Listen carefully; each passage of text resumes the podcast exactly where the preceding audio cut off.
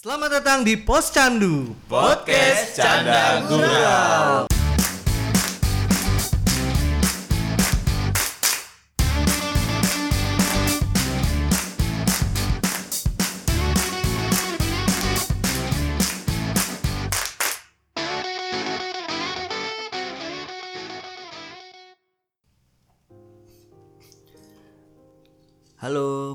Pecandu, pendengar pecandu.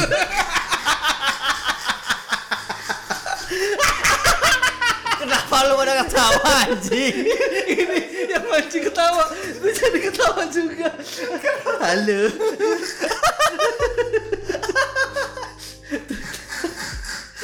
Jangan dulu itu terjadi gak gitu. Jadi gak gitu. Ya, oke oke. Ganti ganti. Tadi udah ngambil nafas kayak mau di top deck gitu gitu. Halo, para pecandu, rekam ras.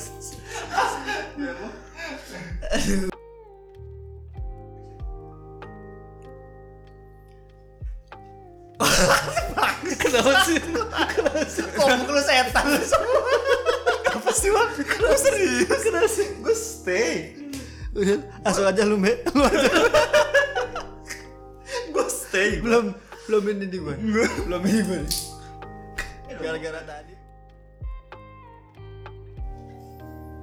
Setelah 30 tahun gua lahir,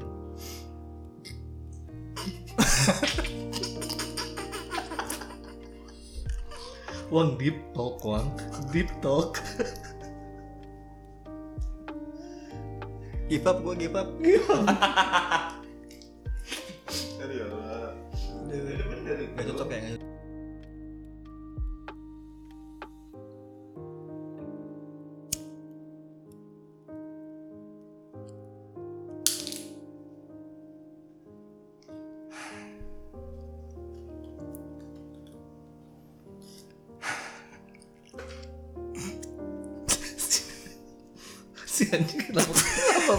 si anjing kenapa ketawa?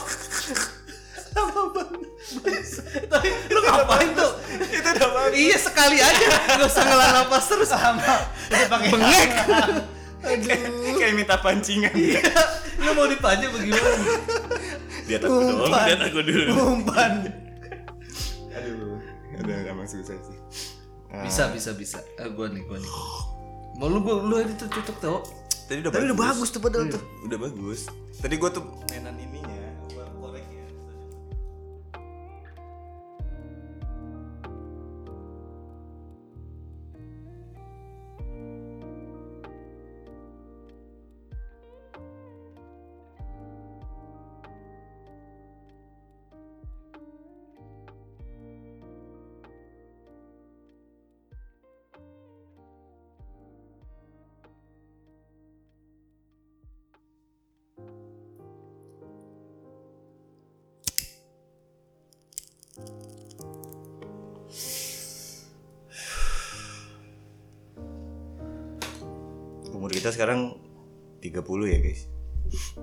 tahun ini beranjak ke 31 dong Iya.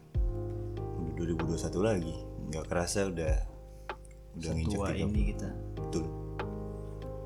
Gue tuh besar di keluarga yang cukup konvensional. Jadi ngebentuk gue sebagai pribadi yang jujur agak ngeromo atau agak ngehormat sama orang tua. Jadi kedekatan gue sama orang tua tuh nggak gak kayak sebagai teman gitu ya iya bener-bener ada batasnya mm-mm. saking respectnya tadi ya Ya, karena dibangun seperti itu. Mungkin ada hubungannya sama yang gue juga yang tentara kali. Jadi terlepas Didikannya dari keras gitu ya, ya. didikan keras sehingga bapak gue sendiri aja mau ngomong sama kakek gue itu, Kakek. Hmm. which is bapaknya bapak gue, agak takut juga gitu. Istilahnya ngelihat matanya itu hampir nggak boleh mungkin. Se setata krama itu ya. setata krama itu gitu harus nunduk banget sehingga mungkin jadi bikin banyak rasa bersalah kali ya karena gue jadi ngerasa lately kedekatan kita terhadap orang tua tuh jadi penting karena semakin kita tua semakin orang tua kita juga menua. Iya. Dan udah mulai makin kekanak-kanakan gak sih? Eh, kalau orang tua gue belum di fase itu sih. Ya kita sih alhamdulillah masih bersyukur ya orang tua masih ada semua lengkap. Alhamdulillah. itu mungkin udah salah satu poin utama yang mungkin kita punya gitu. Dibanding ke beberapa orang yang mungkin atau teman-teman kita lah yang orang tuanya udah nggak pasti lengkap. ada Mm-mm. Iya. Iya makanya gue kadang suka envy ngeliat eh, temen gue yang bisa segitu deketnya sama orang tuanya. Apalagi gue punya sedikit intermezzo gue tuh dari zaman SMP eh, selalu punya pacar yang nggak punya bapak. Jadi single parent gitu loh. Hmm. ibunya aja yang ibunya aja yang ngebesarin. Dan mereka tuh segitu deketnya. Jadi gue ngeliat banget kedekatan seorang anak sama orang tuanya. Dan kadang jadi envy. Kok gue nggak bisa mm, bukan nggak bisa ngedapetin hal itu ya. Tapi si si kitanya karena nggak terbiasa jadi agak enggan gitu loh. Benar benar benar. Sesimpel kayak gue nih yang paling nggak pernah gue lakuin adalah minta maaf sama orang tua. Itu tuh kayak aneh banget di mulut tuh. Oh, lebaran juga lu nggak? Oh iya kalau itu for the sake of formalitas aja. iya Iya, Minal aizin kewajiban ya kalau Iya, lebaran iya, mah. coba selain lebaran pernah nggak sih minta maaf? Nggak pernah Hampir juga. jarang banget. gua hampir sih sama. Nggak tahu kenapa. Itu kenapa ya kira-kira? Maksudnya eh gue tahu gue gue kalau dibilang bandel ah kayaknya cuman nggak sih nggak sampai bandel sih. Kalian bandel nggak sih dulu waktu bandel kalau gue termasuk bandel-bandel ya anak laki-laki remaja gitulah jadi bandel bandel-bandel begitu dan ya hubungan gua sama orang tua sebenarnya sama kayak lu toh Eh, nggak terlalu dekat mau dibilang dekat ya deket-deket biasa cuma nggak yang sampai bisa dihitung mungkin pakai jari gua nyium orang tua gua atau meluk sekedar Hmm. meluk Hmm. atau tadi minta maaf atau berbagi eh, apa? Cerita. Cerita gitu. Hmm. mungkin itu gua rasain dikit-dikit berbagi cerita itu malah sekarang di fase yang mungkin gua udah married gitu. Orang tua Oh, juga iya, semakin tua gitu. Kalau dulu mungkin zaman SMA itu SMA kuliah Hmm. pokoknya eh, kita masih menjadi seorang remaja yang artinya masih semua pengen tahu tentang kehidupan ya Hmm. kadang-kadang kenakalan remaja kita alamin Hmm. gitu itu eh, wah itu bener-bener hubungan gua sama orang tua tuh kayak kucing sama anjing lah berantem terus selalu berantem apalagi orang tua gue mungkin udah capek banget ngurusin gua zaman SMA sebagai contoh gue punya pengalaman zaman SMA tuh kan ki- kita eh, apalagi pas menjelang menjelang kelulusan kelas 2 kelas 3 itu nggak pernah masuk sekolah sama sekali hampir 2-3 bulan kita cabut ya toh ya Iya. Iya sih kita sampai eh, itu sampai yang tadinya cabut bener-bener kita nongkrong di mana sampai akhirnya gue cabut tuh ya udah di rumah aja karena Iya, emang gue nggak mau sekolah Bener, bener banget. bener. nyokap bokap gue juga kerja jadi Hmm. gue ketemu juga tiap malam jarang komunikasi gitu. Sabtu minggu kita keluyuran. Hmm. pas waktu orang tua di rumah kita keluyuran gitu. Nah ada fase di mana mungkin bokap nyokap gue dari yang marahin gue sampai gue tambeng bener-bener om orang tua gue marah tuh gue nggak ada takut takutnya sama sekali. Hmm. malah yang ada gue lawan balik. Itu menurut gue fase di mana gue sebagai anak tuh bener-bener kurang ajar lah sama orang tua. Dan itu kalau yang gue ngeliat sekarang kok gue bisa bisanya gitu Segitunya. zaman dulu Hmm. begitu gitu dari yang mulai kita bandel cabut-cabut sekolah orang tua dipanggil ke sekolah Iya, sering dulu De- let's say yang cabut deh dari yang kita ngumpet-ngumpet sampai nyokap gue tuh selalu nelfon ke rumah Hmm. pembantu gue yang ngangkat kan Hmm. dari yang nanya "Eh, Mas Danar hari ini sekolah apa enggak suruh bangunin suruh berangkat sampai akhirnya nanya "Eh, jadinya sekolah apa enggak? Enggak ada di rumah. Sampai yang kayak Sampai di tahap itu mungkin orang tua gue tuh udah capek banget ngasih tahu. Iya. sampai kita dipanggil gara-gara ketahuan eh, rokok ya kalau nggak salah di di kamar mandi sekolah. Iya. gimana mungkin kalau menurut kita dulu orang tua dipanggil karena kenakalan kita ada sedikit rasa oh keren gitu. Bangga gitu. Kayak prestasi. iya kayak wah ini lihat bokap gue dipanggil karena kenakalan gue. Dan gue nggak tahu kenapa bisa berpikir. Iya. ada secuil waktu itu wah gue dipanggil orang tua tuh bukannya malu tapi ya biasa aja. Hmm. malah terkesan seneng. Itu gue nggak bisa sih ngebayangin gimana malunya orang tua gue pada saat itu gitu. Gimana malunya orang tua gue pada saat itu. Eh, sampai gue pernah di titik berantem nyokap gue tuh sampai lagi makan adu argumen apa gue sampai mecahin piring Iya. mecahin piring jadi dia lagi makan kesel marahin gue gue marahin balik artinya gue Lawan. gue lawan gue selepein gue ketawain atau apa dia sampai banting eh, piringnya gitu Nyokap lo tuh. nyokap gue banting piringnya sampai dia selalu yang kata-kata andalannya eh, mama tuh seumur umur eh, nggak pernah pingsan begitu lahiran kamu tuh baru seumur hidup mama pingsan tuh pas begitu lahiran kamu. Itu kan Hmm. dalam banget ya. Hmm. dan itu nggak berasa coy di gue zaman gue SMA kayak angin lalu aja. Seberapa kelam itu hati gue pada pada saat itu gitu. Kayak kayak batu banget ya. batu banget. Iya. sampai ya gue nggak tahu ya mungkin orang tua gue dulu eh, nggak pernah bandel. Jadi mungkin nggak bisa eh, nanganin gimana eh, kalau punya anak bandel gitu ya Hmm. dan gue pernah sekali kalinya berantem sama bapak gue tuh bokap gue sampai diem akhirnya gue balikin ngomong gue pernah bilang jadi bokap gue itu yatim dari zaman dia itu kelas 3 SD Iya. Nah, gue sampai bilang ke dia, mak, seakan-akan kalau di situ posisinya gue selalu nyalain orang tua gue, lu tuh yang nggak ngerti gue. Sampai pernah gue ngomong, eh gue gue pokoknya nyalahin bokap gue karena dia nggak punya figur ayah, jadi nggak bisa eh, ngedidik gue sebagai ayah. Hmm. Gue sampai ngeluarin statement itu, bokap gue langsung diem, gue naik ke kamar dan itu gue nggak ada rasa bersalahnya sama sekali tuh. How come? Segi, iya, segitu segitu kelamnya gue waktu itu pas zaman Masih kita muda masih ya. labil remaja SMA gitu. ya mungkin. Iya. Itu sampai bokap lu diem aja udah. Dia akhirnya pas di sesi itu adu debat gue kasih statement Berhenti itu. aja dia diem diem dia ke cabut kamar ke atas. cabut ke kamar. Dan itu menurut gue itu gue agak di situ mungkin agak ya kok diem sih? Gitu. Lanjutin dong lu Iya. pembelaan lu apa? Gitu. Sampai mau nantang Hmm. akhirnya gue juga akhirnya cabut. Ya pas kalau ingat-ingat masa itu gue bilang aduh astagfirullah gue kenapa bisa sampai senakal itu? Seperti gitu.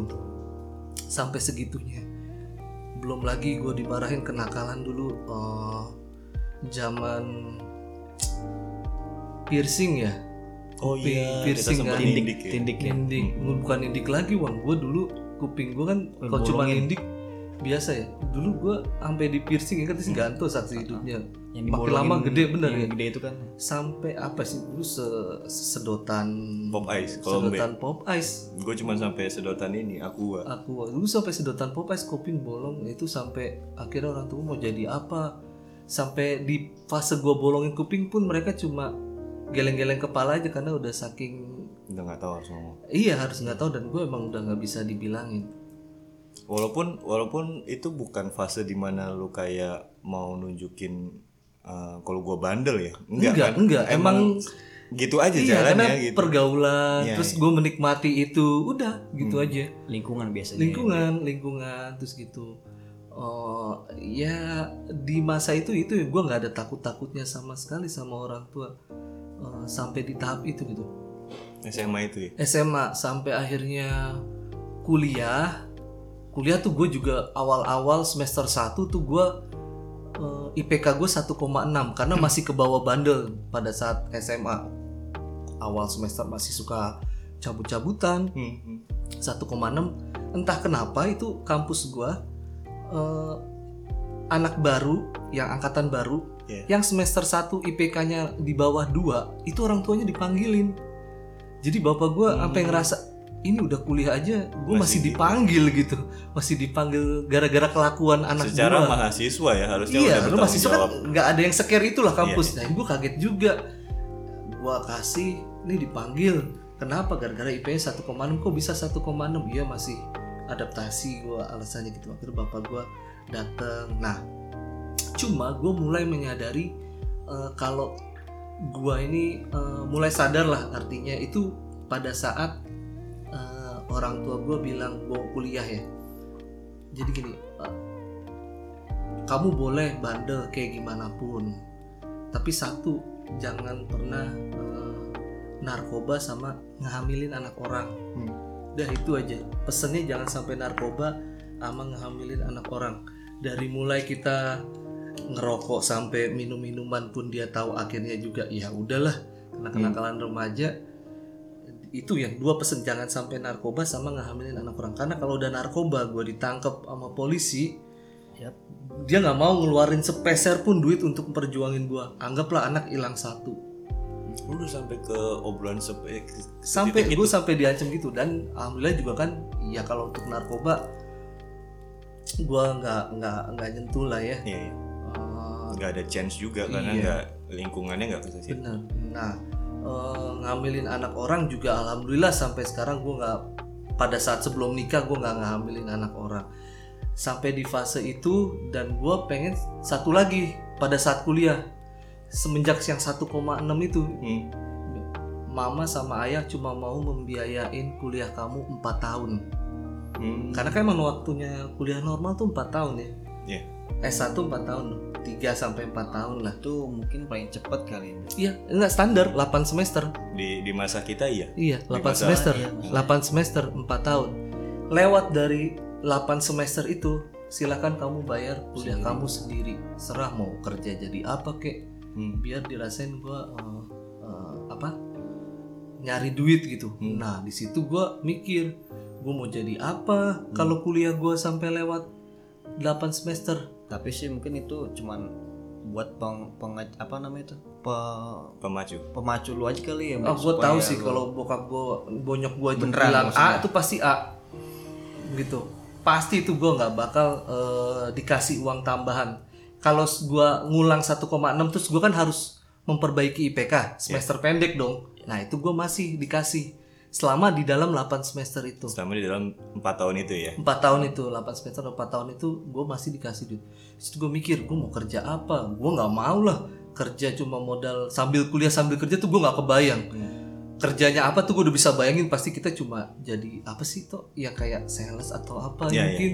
Zaman jadi dulu ya. SPL jadi part time ya. iya part time lu kerja di McD atau apa Iya, bantu-bantu. True. wah gue gue mikir aku nggak mau Belum lah ada begitu. internet soalnya zaman dulu kan. bener Hmm. Betul betul masih teknologi pun belum semua. kayak sekarang orang Betul, bisa betul. nyari duit dari teknologi atau apa nah dari situ gua mulai kuliah tuh fasenya memperbaiki IPK semester 2 IPK gua 2 Hmm. gua nggak pernah eh, kalau kita dulu kuliah kan libur antar semester lumayan panjang tuh diisi sama semester pendek Ya. ada SP dong Iya. gua nggak pernah ngalamin liburan semesteran karena gua selalu ikut SP. semester pendek hasil dari gua yang IPK 1,6 ngebenerin tuh. Ya ya ya. ya. untuk ngejar supaya 4 tahun tahun. gue bisa lulus dengan IPK di atas 3 Hmm. gitu IPK atas sampailah gua eh, masa kuliah tuh gua udah mulai serius udah mulai serius mau kuliah harus 4 tahun kuliah harus 4 tahun itu dari yang gua berteman kuliah tuh berdua belas sampai akhirnya tinggal bertiga atau berempat gua sama temen gua. Eh, untuk yang serius sisanya udah pada kelempar-lempar tuh kuliahnya. Iya. akhirnya gua empat tahun bisa lulus di ini titik balik ya menurut gue ini titik balik True, true. titik balik gua eh, sebagai ya dulu gua masih labil ke yang gua udah mulai serius sebagai gua laki-laki nanti mungkin akan jadi kepala keluarga juga Oke. Masuk akal. pada saat lulus itu gue bener-bener 4 tahun IPK di atas 3 dan waktu wisuda ini eh, saksi hidupnya masih ada bini gua sekarang kan waktu itu masih pacaran ya Hmm. bini gua nemenin nih gua Wisuda. wisuda di JCC kan jadi eh, ya walaupun gua nggak kumlot orang tua gua nggak dipanggil seenggaknya gue bisa lulus tepat waktu dengan IPK di atas 3 Hmm. itu yang eh, gua komitin dari awal gua masuk kuliah berhasil gua capai gitu nah di situ orang orang tua gue kan juga ikut nah nyokap gue tuh duduk samping eh, bini gua Oh. nggak bini gua Yang sekarang. Iya Ya. sekarang gua kan kalau kita di wisuda tuh dipanggil namanya satu-satu ya. Maju. maju toganya Yes, toga digeser gitu. Terus kita jalan di foto bawa Iya, bawa piagam. Iya. sama dada-dada ke ke orang tua lah ke atas gitu kan ke tribun gitu. Nah di situ kan gue sempet dada gini cuma kan gue jauh nggak kelihatan. Iya. afternya gue baru diceritain sama uh, bini gue waktu itu. Itu tuh nggak pas kamu jalan itu pas dari nama kamu dipanggil sampai kamu ngedadahin mama itu orang tua gue berdiri dua-duanya nangis di situ. Bener-bener bener-bener nangis ngeluarin air mata sampai bilang ke bini gue mama nggak nyangka Danar bisa eh, bisa sukses ini dari yang mungkin gue bandel banget zaman SMA sampai gue kuliah bisa tepat waktu 4 tahun terus lulus IPK 3 mama nggak nyampe itu nangis sepanjang itu nangis. Cuma pas gue ketemu di luar kan udah udah selesai nangisnya di situ gue langsung teng segitu sayangnya gitu orang tua gue sama gue pasti. Itu tuh udah di situ gue udah mulai kenapa dulu menyesali gue dulu pernah begitu? Sampai gue pengen eh, ngebuktiin. Nah di situ titik balik. Apa yang gue rencanain pada saat gue kuliah 4 tahun dengan cobaan di awal semester terus IPK gue yang tadi 1,6 bisa lulus di atas 3 full 4 tahun persis. Nah itu bisa tercapai kenapa nggak ke depannya yang gue rencanain ini gue nggak bisa Tipping point capai bener. Tipping point ya. bener bener. Dan gue ada muncul tuh kebanggaan gue sendiri ih gue bisa buat ngebuktiin nih ke orang tua gue kalau misalnya gue ini bisa loh. Bisa loh gitu. Itu bener-bener bonyok. Gue juga nggak nyangka sama sekali kalau emang gue bisa di fase itu. Sampai akhirnya gue langsung keterima kerja. Itu juga dia seneng banget kan gue lulus eh, Oktober tuh. Oktober November wisuda Desember gue langsung dapat kerja. Hmm. dan di situ pun orang tua gue juga wah bangga juga lah. Jadi anak gue nggak lama-lama nganggur. Iya, Iya. bener kan? Sampai sekarang gue bisa meniti karir gue 8 tahun setelah lulus ya kan eh lulus kita 2012 bener ya udah 8 tahun Untuk yang lulus ya. Iya, gue juga udah bisa di posisi yang sekarang dengan uh, penghasilan yang menurut gue lumayan, gue bisa ngebantu-bantu bonyok gue yang akhirnya itu yang mencairkan suasana gue sama bonyok gue sekarang. Jadi komunikasi lebih tertata, gue juga jadi lebih dewasa, nggak pernah gue dia marah, gue bales marah lagi. Walaupun ya mungkin gue akhirnya melakukan apa ya kayak riset lah. Ternyata orang tua itu orang tua kita itu umur marahnya itu di usia 40-an sa- kalau udah di atas 50 tuh udah malas marah menurut gua. Percaya nggak? Jadi gua yang kena marah tuh selalu gua even adik gua adik gua nggak bandel-bandel adik gua dua ya walaupun kan? sebandel-bandelnya adik gua orang tua gua tuh udah nggak semarah dulu Karena lo anak pertama juga. ya? Iya, karena gue anak pertama kan. Jadi begitu adik-adik gue masuk di fase yang pulang malam, itu dia nggak nggak marah yang kayak marahin gue. Hmm. Karena emang udah limitnya dia marah tuh mungkin tenaganya ataupun emosinya Bisa tuh di jadi. atas 50 Bisa tuh udah udah lebih calm ya. Become wisely gitu loh kalau 50. Karena eh, entah ter- terkait tenaga juga terkait mungkin gak sih kayak Mbe tuh anak pertama gitu ya Wang ya. Ya. Jadi kayak kalau misalnya adiknya main sampai malam udah nggak perlu gue yang ngasih tahu. Kita sebagai Mbe udah pasti Ah, ngasih tahu sampai adiknya gitu loh. Adik Jadi tertua. ah, ah, seorang orang tua jadi kayak udah ah ya udahlah ah, biar Mbe aja yang ngasih tahu. Betul. Karena biasanya jadi kayak rolling gitu nggak sih Mbe? Kamu kasih tahu adik kamu deh gitu. Bener, Ya iya. sih? Suka Justru ada Adik gue tuh lebih nurut sama Nah, gue iya. Nah kayak gitu tuh. dibanding sama Gua orang selalu- tua. gua Jadi selalu. kadang bener kan ya? Iya, Jadi gua kadang bonyok gue kalau nar kasih tahu tuh si Hmm. Singgi suruh jangan gini gini gini gini. Hmm. Mama udah ngasih tahu nggak bisa. Akhirnya gue yang ngasih tahu baru nurut tuh. Iya. Ya alhamdulillahnya adik-adik gue pada uh, respect juga sama gue. Jadi kalau gue ngomong apa tuh didengerin, gitu. Iya, gue dari sisi anak kedua sih memang gitu dan Awang juga kan anak pertama ya Bang? Gua anak pertama. Nah kalau gua kebalikannya dari Mbe nih toh. Oh, justru malah kebalikan. Iya gua kebalikannya. gue gue tiga tiga bersaudara Hmm. dari keluarga iya kalau kita bisa dibilang bokap gue dominan banget di keluarga Hmm. gue gitu kan jadi kita itu semua anak-anaknya sama nyokap gue juga harus nurut banget gitu sama dia Hmm. dan gue kan selalu selalu diajarin sama bokap gue itu harus nurut sama orang tua itu itu nomor satu tuh Iya. dan dan nyokap gue juga selalu bilang gitu kan agama gue juga kan selalu uh, apa namanya ada ada ada hadisnya gitu kan Hmm. orang tua itu harus di di Hormati. hormati dihargain segala macam dan itu selalu yang terngiung-ngiung di kepala gue terus itu se seburuk-buruknya orang tua gue tetap dia orang tua gue sejelek-jeleknya orang tua gue tetap orang tua gue yang ngelahirin yang mendidik gue gitu kan. Nah kalau ceritanya B kan B dulu bandel. SMA. Eh, dari SMA-nya dia sampai dia ribut-ribut sama orang tuanya kalau gua nggak gua nggak kayak gitu mbak. Jadi emang gua orangnya karena gua anak pertama gua di mungkin gua di di tempatnya itu harus nurut banget gitu mbak. Jadi semua segala segala macamnya gua dari kecil itu di disetir lah istilahnya. Gua sekolah harus jadi begini gua hidup harus begitu gitu kan. Jadi setir lah tuh sama orang tua terutama bokap gua yang emang dominan banget nih di rumah. Tapi lama-lama kan gua ngerti dari maksudnya dia semua itu gua ngerti intinya gitu apa ya. betul jadi selalu tuh dari dari kecilnya gua kan bokap gua tuh nggak pernah setuju Hmm. gua mau jadi gua bilang gua mau main bola tuh ya udah lu cuma sekedar hobi aja jangan sampai lebih-lebih gitu. Sampai gue nekat gue sekolah bola gue nabung sendiri kehabisan biaya gue nggak dibiayain bokap gue gue berhenti. Terus gue kuliah gue ngeband tetap dia bilang udah ngeband ngeband aja jangan sampai serius.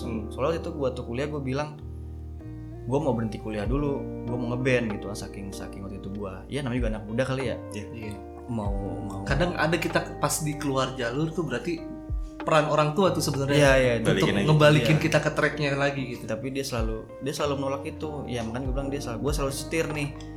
Gue mau lewat sedikit tuh nggak bisa gitu. Gue juga nggak bisa ngelawan yang kayak Mbe gue harus berantem gini gini nggak bisa. Emang mungkin didikan dari dulu gue kecil itu harus nurut nih sama orang tua. Dan gua udah ada di kotak kepala gue pun kayaknya apa yang omong omongan orang tua gue tuh harus gue ikutin gitu kan nggak nggak bisa gue lawan gitu. Gue juga nggak terlalu dekat sebenarnya sama orang tua oh terutama bokap gue karena dia kan hard worker banget pekerja keras banget dia. Ya memang buat keluarganya dia sendiri karena dulunya kita wah gue dari ngerasain dari gue lah kecil itu kontrak Hmm. Berjuang dari nol ya berjuang dari nol dulu. Bokap gue bokap gue cerita dia dari ngojek dia jadi eh, apa namanya itu kerja kerja kasar gitu eh, tukang las tuh dia dia dia dari tukang las. Dia ngojek buat ngomongin kebutuhan kita lah. Jadi emang dari dulu gue dari kecil gue tuh jauh banget sama bokap gue sebenarnya. Nggak pernah deket nggak pernah. bagaimanapun lu tetap menghormati dia sebagai orang tua Iya. lu juga nurut gitu waktu nurut makanya sebenarnya kalau gue bilang eh, apa namanya deket banget sih? Enggak. Tapi gue di tempatnya ya itu karena nyokap gue juga gue lebih dekat sama nyokap gue jadi gue mungkin didikannya eh, nyokap itu kan mungkin lebih lembut lah dibanding dibanding bokap ya. Bisa, bisa. jadi ya didikannya ibu-ibu atau perempuan sama didikannya laki-laki kan beda pasti kan. Mungkin gue karena gue terlalu dekat sama nyokap gue jadi gue ya hati gue lembut gitu ngikutin apa nyokap gue soalnya bokap gue agak agak ini memang eh, apa namanya kasar kasar ya. Keras lah ya. keras lah keras bukan kasar keras. Dia nggak pernah main tangan tapi sekalinya dia ngomong itu telak banget. Nggak bisa gue nggak bales kayak apa namanya mau ngomong apa pun nggak bisa. Dia emang ngomongnya ngomongnya itu bicaranya itu bisa Dan tanda kutip selalu benar gitu. ah selalu benar lah itu jadinya jadinya kan bener gue nggak pernah namanya gue main sama di apa sama bokap bokap apa bokap gue Hmm. kita pergi bersama bersama atau pergi jalan-jalan keluarga itu wah selama gue ber 20 tahun bisa dihitung kali. Satu dua tiga kali gitu kan. Nggak pernah ada yang namanya me time keluarga itu waktu gue zaman gue sekolah sampai kuliah.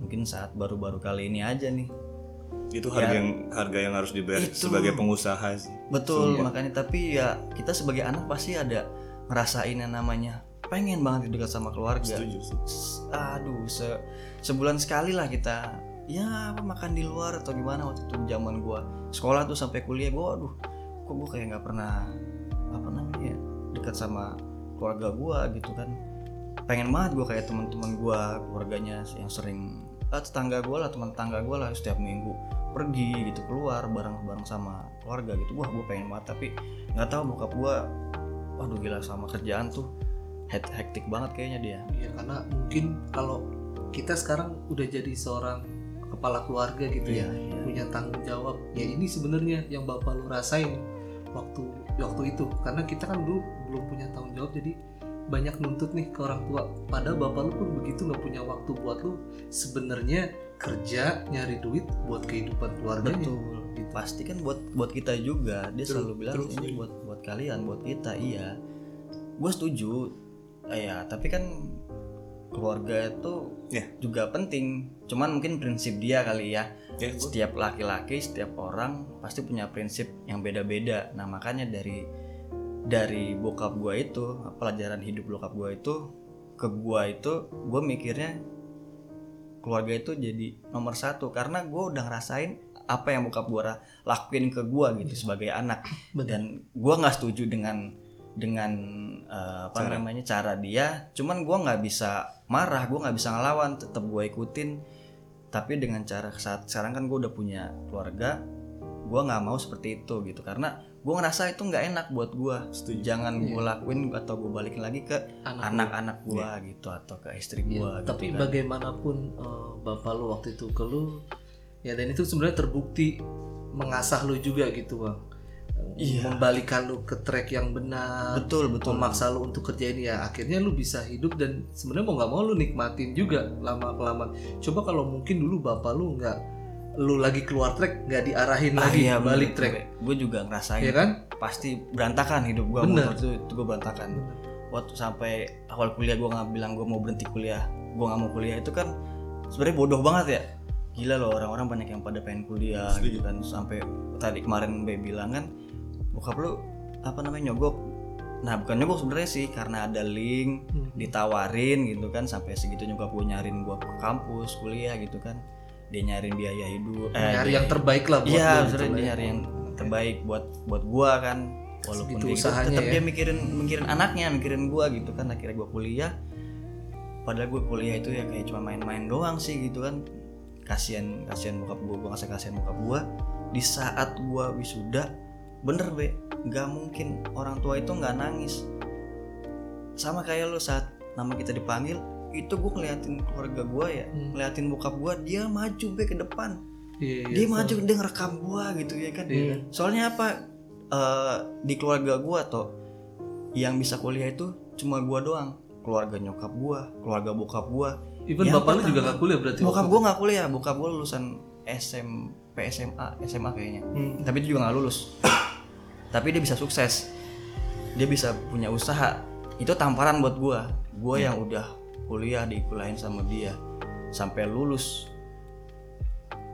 Wah gila itu tamparan sih sebenarnya. Beban ya bisa dibilang beban beban kali ya. Cuman gue sih nggak mau ngebebanin itu gue gue yakin ada ada rezekinya masing-masing. Setiap orang benar punya jalan usahanya masing-masing. jalannya masing-masing betul Setuju, betul. Rezeki bapak lu yang mungkin nggak tamat sampai kuliah cuma tamat SMA juga mungkin nggak tamat tapi karena kegigihannya dia dengan tanggung jawabnya dia harus menafkahi keluarga alhamdulillah sukses sampai sekarang alhamdulillah sukses jalan dari Tuhan tuh emang buat tiap orang tuh nggak nggak sama gitu tapi setuju. pasti itu yang terbaik buat Iya, masing-masing dan gue juga nggak mau iri sebenarnya sama orang lain karena gue gue mikir keluarga kita masing-masing ada kurang lebihnya. Selalu. Benar. Kalau keluarga gue begini mungkin orang lain masih ada lagi yang nggak nggak enak di keluarga dia gitu. Kita selalu nggak bisa ngebandingin. Jadi ya udah terima aja. Pasti ada enaknya kok keluarga gue gitu kan. Selalu ada kurang lebihnya gitu. Pasti pasti itu. Gue senengnya sama bokap gue itu waktu gue mau nikah. Dia kan eh gue gua baru kali itu tuh gue gue cerita tuh. Hmm, gue cerita gue curhat langsung tuh gue tembak bokap gue pak oh mau nikah? gitu kan yang tak biasanya bokap gue tuh marah gitu ya Mhm. yang nggak bisa diajak ngobrol. Itu tiba-tiba luluh. Gue nggak ngerti deh tuh kenapa. Emang udah siap? Dia bilang gitu doang. Dia Hmm. mama udah siap? Insya Allah udah siap pak. Ya udah nikah. Bapak setuju. Bapak dukung gitu kan. Emang Wah, udah emang situ. udah. Mungkin ya bokap lu ngerasa itu emang udah fase lu udah harus ke jenjang berikutnya. Atau atau mungkin gini kali ya guys. Mungkin pada saat uh, gue nggak tahu. Gue ngerasa bok seorang orang tua pada zaman kita yang zaman dulu ya Hmm. bokap bokap nyokap kita ngerasa tugas mereka tuh berakhir pada saat lu selesai kuliah gitu.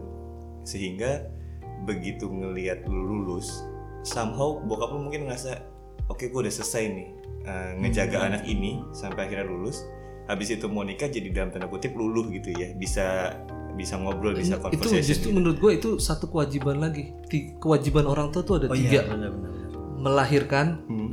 membesarkan mendidik sampai menikahkan Menikahkan. Hmm. setelah menikahkan itu baru lepas lepas. tanggung Lepas jawab orang orang tua. tua, Iya. Jadi mungkin excitednya di mana setelah ka- kalian selesai kuliah gitu, momen-momen di mana excitednya udah mau nikah nih. Jadi sisa fase yang kedua tadi yang B bilang membesarkan tuh fase paling lama kan. iya Mem- di, di situ ada mendidik Iya, itu udah paling lama kan. Dan itu paling capek pasti. bener Itu paling capek. Ya, gue kebetulan gue belum belum nyampe fase itu ya dalam tanda dalam artian gue mungkin versi yang masih struggling terhadap apa yang gue pilih gitu. gue kalau dibilang SMA bandel atau enggak, bandel itu relatif kalau menurut gue. Nak nakal itu kan pasti. Ya pasti. Ya kan? Tapi gue bersyukur gue ngalamin hal-hal di mana eh, mungkin kakak adik-adik gue jadi nggak perlu ngalamin. Lu pernah ngerasa kayak lu ngewakilin gak sih? Jadi eh, biarin gue yang bandel. Gue tahu semua nih paling bandel apa sehingga nanti kalau saudara gue ke arah sana gue udah tahu mau ke mana gitu. Jadi di di keluarga gue percaya di keluarga tuh gue anak kedua dari empat bersaudara. Gue percaya bahwa setiap person di keluarga itu punya alasan kenapa dia ada di situ. Karena eh, kita nggak bisa milih kan keluarga kita. Tuh kalau ada hal yang kita nggak bisa pilih salah satunya adalah keluarga. Kita nggak bisa milih lahir dari rahim siapa gitu. Yap. sehingga mau nggak mau kita harus ya udah ngikut aja gitu. Tapi dibilang ngelawan gue nggak. Gue tuh termasuk yang deket banget sama eh, nyokap apalagi ya bokap tuh gue termasuk dekat SMP tuh gue bolos. Itu karena nemenin bokap gue ke SMP gue di sidoarjo. Bokap proyek karena kita suka ke Madura. Jadi bangun tidur nih. Kamu mau sekolah nggak? Iya mau pak. Ya udah bangun gitu.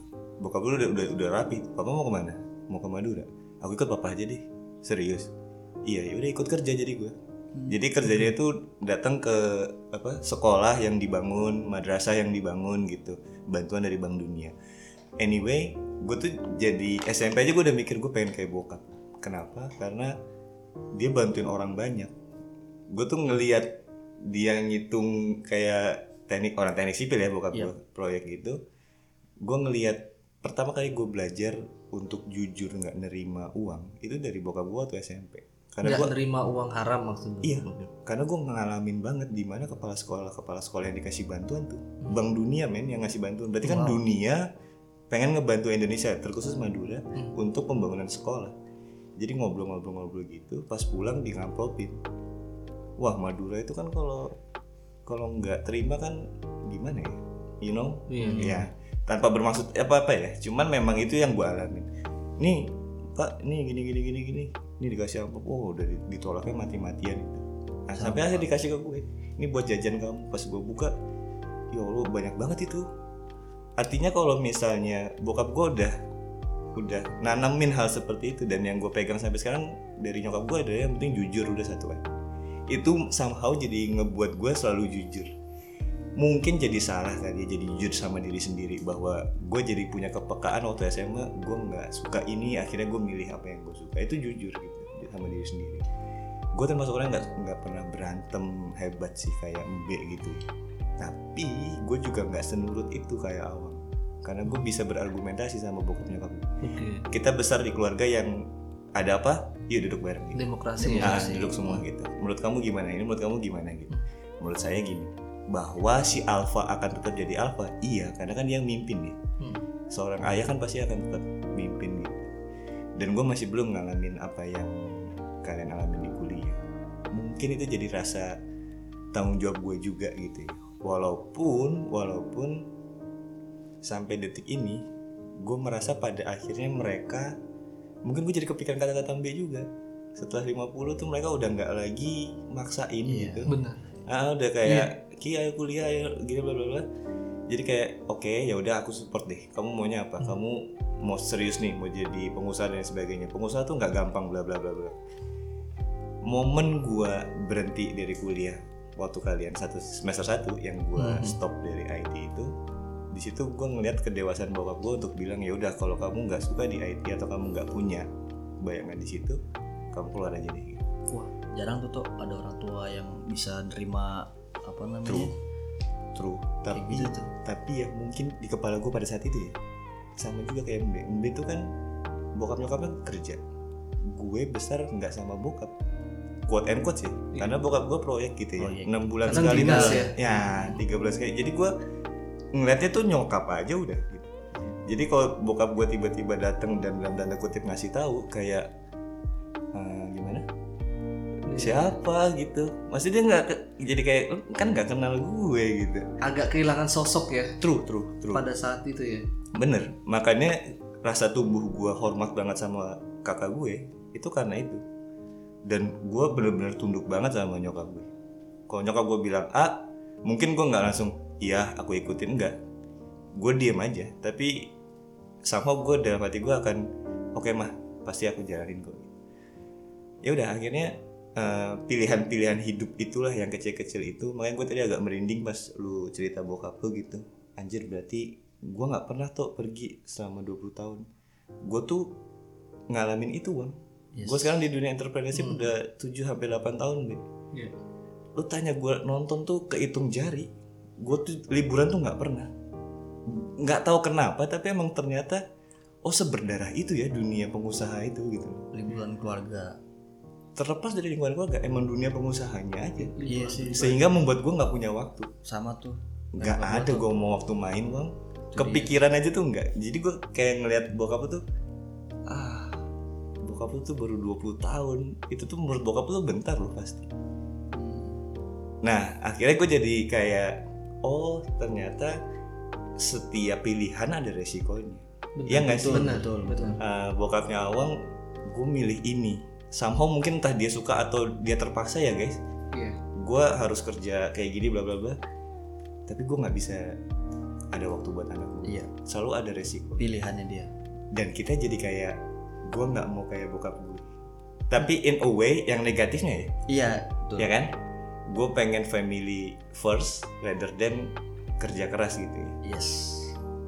Tapi percaya deh gue ngerasain banget di masa gue sekarang aja nggak ada tuh waktu kayak gitu gue nggak bisa bener-bener jadi sampai sekarang Iya, lu lu kerja berapa jam sih?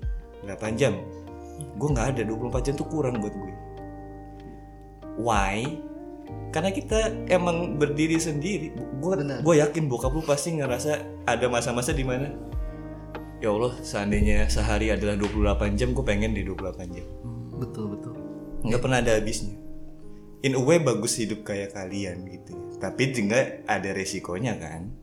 Pasti resiko mah beda-beda. Ya pasti selalu. ada walaupun beda-beda. Setuju. Makanya gue selalu gue selalu respect sama apa pun yang orang pilih karena kita nggak pernah ada di sepatu mereka gitu. Never judging other people gitu. Gue nggak pernah.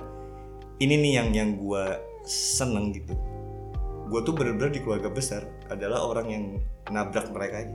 Ini mereka ngejalan ke sana gue ke sini sendirian. Lawan arah ya. Lawan arah lawan arah.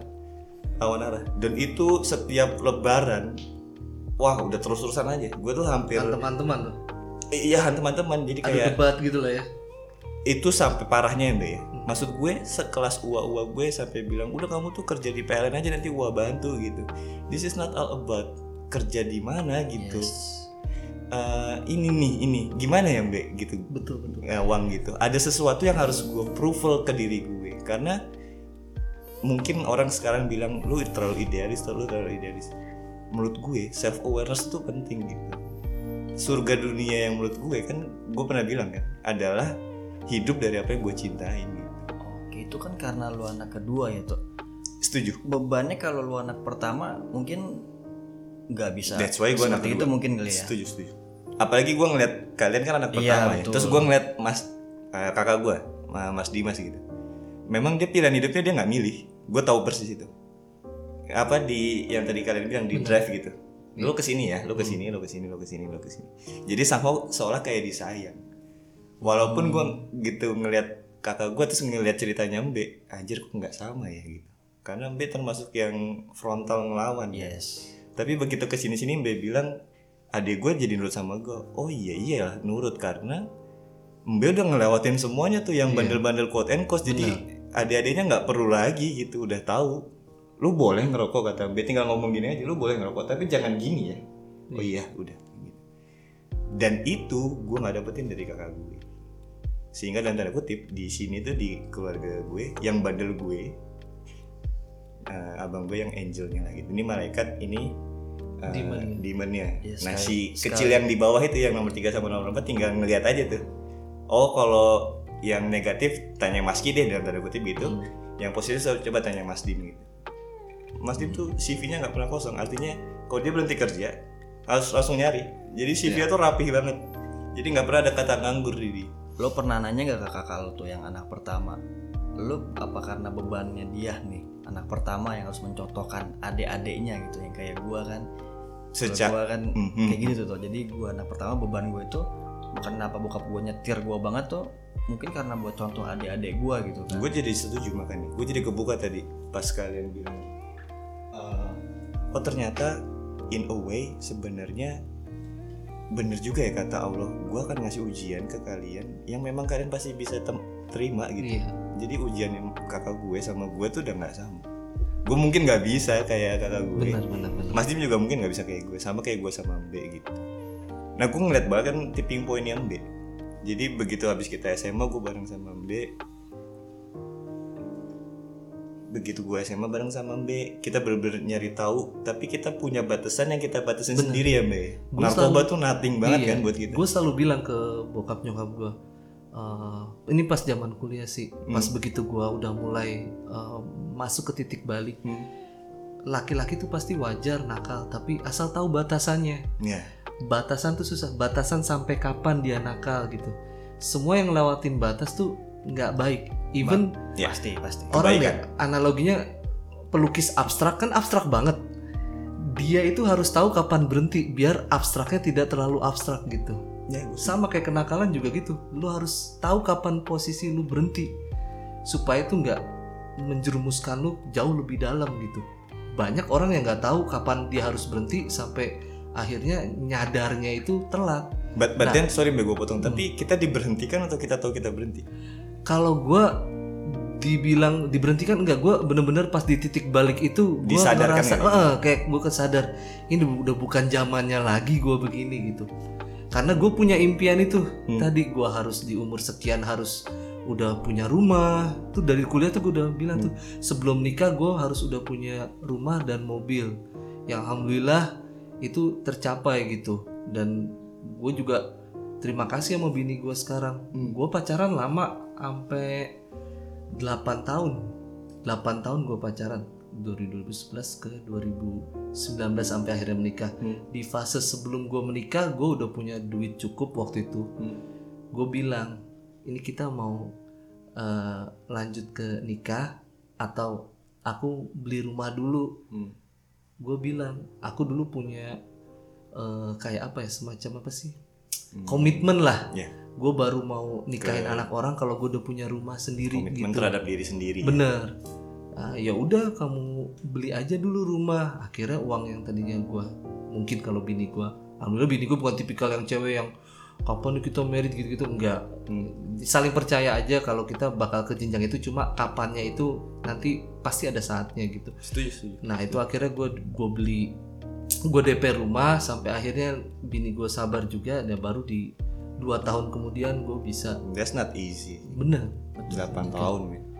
itu itu emas sih. Maksud gue cewek yang kayak gitu tuh zaman sekarang udah nggak ada. Maksud gue rare banget sih yang kayak gitu Eh, tipping point Mbe tadi eh, adalah pada saat ngelihat bokap nyokapnya istilahnya nangis ya di di situ. Lu pas nikah ya bang? Iya. Akhirnya tiba-tiba eh bokap gue dulu gitu ya? Iya itu dia. Akhirnya di situ gue bisa tukar pikiran bisa Nah. bisa bisa saling itu menurut gue tipping point. ngobrol gitu. Nah, wah seumur umur ya ampun jarang banget tuh gue ngobrol sama bokap gue tuh. Hmm, kalau nyokap gue sih udah setiap hari ya kalau Iya. gue kenal gue gitu kan. Bokap gue ya ampun itu yang hilang gitu ya. Hmm. gue apa namanya sebenarnya sih menurut gue tuh penting loh harusnya. Anak uh, komunikasi sama bapaknya gitu kan apalagi sama-sama laki nih gue Yep. harusnya kan dia jadi gue ngobrol sama dia tuh kalau gue ada kesalahan sedikit gue bandel dikit gue nakal dikit tuh komunikasinya apa tuh gue dimarahin gue disamahin. Hmm. itu yang selalu jadi patokan di kepala gue tuh. Jadi gak apa-apa kalau gue mau salah nih. Gue mikir aduh tak gue domelin nih. Lebih malas ke situnya Iya jadi gitu. Jadi dari dulu tuh selalu kayak gitu gue salah dikit gue domelin gue salah dikit gue domelin. Ya tapi ya pasti pasti ada ada hikmahnya sih. Oh selalu selalu. Jadi gue selalu ambil gue selalu ambil hikmahnya kalau kalau eh, pasti ada ada ada baiknya di di, di setiap yang dilakukan oleh orang tua gitu setuju kan setuju setuju. Makanya uh, tipping point B di situ tipping point di situ tipping point gue istilahnya gue selalu bilang aha momen gue untuk dalam tanda kutip berubah jadi lebih uh, bertanggung jawab dan lain sebagainya benar-benar di umur gue pas 30 jadi uh, apa namanya di diri gue sendiri gue selalu bilang gue 30 nyari tahu apa yang ada di dunia 30 berikutnya gue harusnya nuai gitu. Jadi gue selesai nih gitu. Makanya waktu waktu kita ngobrolin tentang pernikahan gue udah mulai ke sana. 30 tahun ke belakang gue tuh anaknya nggak nikah banget. Maksudnya what the fuck nikah buat apa gitu? Gue Iya. nggak nggak siap apa apa gitu. Iya karena lu idealis kali gitu. bisa jadi bisa dari, jadi. dari dulu mudanya lu idealis tuh. Dan dan kadang ya uang untuk menjawab hal itu gue nggak minta kok gue idealis gitu ya nggak sih maksudnya iya, kita iya. tuh bawaan aja Ah, ah, bawaan. kita semakin ngelawan kan kita makin itu. Jadi kita punya tipping pointnya dan akhirnya kalau dibilang sekarang jadi lebih deket sama orang tua karena gue nggak pernah punya masalah komunikasi which is kalian pernah punya masalah sama komunikasi kan? Kalau gue nggak punya masalah sama komunikasi tapi gue juga jadi ngerasa oh oh gitu aja. Oh Iya. ah- aha momennya tuh makin besar gitu. Apalagi ngeliat adik gue sekarang punya baby gitu gue ngurusin baby dan lain sebagainya oh hidup tuh gini. Oh, oh, oh, dan jadi mulai oh gue tahu sekarang gue tahu sekarang gitu. Dan gue sampai bilang ke bokap nyokap gue pah mah eh, aku ngerti papa udah pensiun gitu ya. Tapi eh, suatu saat aku akan kuliah. Tapi papa yang bayarin gitu. Gue jadi paham kenapa dia dalam tanda kutip nggak suka kalau gue kuliah pakai uang gue sendiri.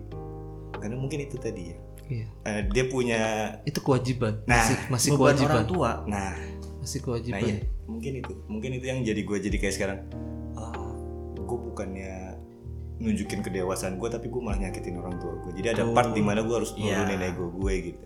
Nanti uangnya istilahnya gue kasih ke abang gue apa apa gitu. Nih papa kuliahin kamu gitu. Padahal uang yang you know. Jadi kayak hal seperti itu gue jadi kayak oh ya gue ngerti sekarang gue ngerti sekarang. karena ada waktunya tuh Hmm. ya, orang tua tuh tahu kapan dia harus membiayain anaknya jadi nanti kapan anaknya itu bisa membiayai hidupnya sendiri gitu jadi kalau menurut gue sih sakit orang tua kalau lu tadi tuh eh, waktunya dia orang tua lu masih membiayai lu tapi lu pengen biayain sendiri Hmm. ya mungkin ada bangga cuman pasti sakit juga Iya. karena ini masih fasenya gua nih eh, Hmm. buat ngebiayain kamu Deki gitu kan That's why lah kalau misalnya kita sekarang udah di fase menikah, artinya beban orang tua kan udah selesai di situ ya. itu waktu waktunya Kewajiban, sorry bukan beban, tapi lebih ke kewajiban orang tua udah selesai. Itu gimana sekarang setelah menikah itu gantian nih kita yang ngasih. Seenggaknya walaupun udah kerja, eh, udah nikah, kita belum bisa ngasih, seenggaknya nggak nggak ngebebanin lah nah itu dia itu. Tapi itu kebangun sendiri ya pada kebangun sendiri kebangun sendiri ya walaupun hu- hubungan pasti jauh lebih baik toh dibanding gue dulu. Tapi tetep itu tuh kayak awkward moment yang Iya. lu masih gak sih? Iya masih. sekarang kalau bisa pelukan sama Tapi udah udah gue udah orang udah tua lo pasti itu Aduh. masih jadi fase yang menurut gue aneh gitu awkward. Gue sayang tapi nggak yang nggak pernah tuh gue jarang banget meluk orang tua gue Gue sih ke nyokap sih masih, Mbak. Gue masih gue jarang bonyok kayak even nyokap gue kadang-kadang suka masih meluk cium cuma gue kadang-kadang ah apa sih? gitu kan.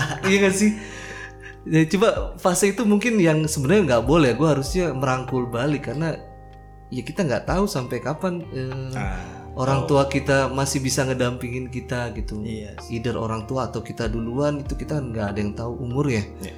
itu ya maksudnya itu yang masih eh, mungkin ya gua nggak tahu. Gua masih susah ngelakuin tapi gue percayalah orang tua gua dengan gua yang treatment sekarang ke mereka tuh dia kita tahu eh, kalau emang kita saling sayang gitu. Walaupun dengan cara kita sendiri. Ya, gue gue setuju, gue setuju. Jadi gue gue gue cukup seneng sama kata-kata tadi apa? Ngelahirin, ngebesarin, sama menikahkan. menikahkan ya kapan-kapan kita ngomongin yang menikah. Kadang gue gue belum gue lagi proses ke sana ya. Iya. Gue masih banyak pertanyaan. Apakah harus orang tua gue yang ngebiayain gue atau boleh nggak sih gue sendiri gitu? Gue masih banyak pertanyaan terkait hal itu. Tapi kapan-kapannya kita ngobrol lagi. Sekarang udahan dulu ya. Ah, makasih buat yang udah dengerin. mudah-mudahan banyak manfaat yang bisa diambil Betul. bisa dijadiin pelajaran juga ya Benar juga kan. apalagi yang mungkin fase umurnya masih di bawah kita yang masih mungkin ngelewatin fase bandel kita ke orang tua tuh kayak gimana. Eh, ngingetin aja nanti di saat lo nemu titik balik lo akan realize kalau hal yang lo lakuin tuh ngapain sih? Maksud lo ngapain ngelakuin hal itu? Gue juga kalau bisa muter balik kenapa gue nggak nurut dari dulu orang tua sempet gitu gue sampai Kalau lu fase nurut nggak bisa cerita kayak gini. Iya bener juga. Kalau sama kayak gua dong. ya intinya kita memetik eh, hasil lah ya, Yep. hasil buah manis lah dari perjuangan kita serta didikan orang tua kita. Jadi terima kasih juga buat pengalaman yang kita alamin ya. Jadi kita bisa punya cerita kayak gini. Betul. Ya udah gitu aja dulu. Eh, Ganto pamit. Awang pamit. Mbe pamit. See you guys. See you. Terima kasih udah dengerin.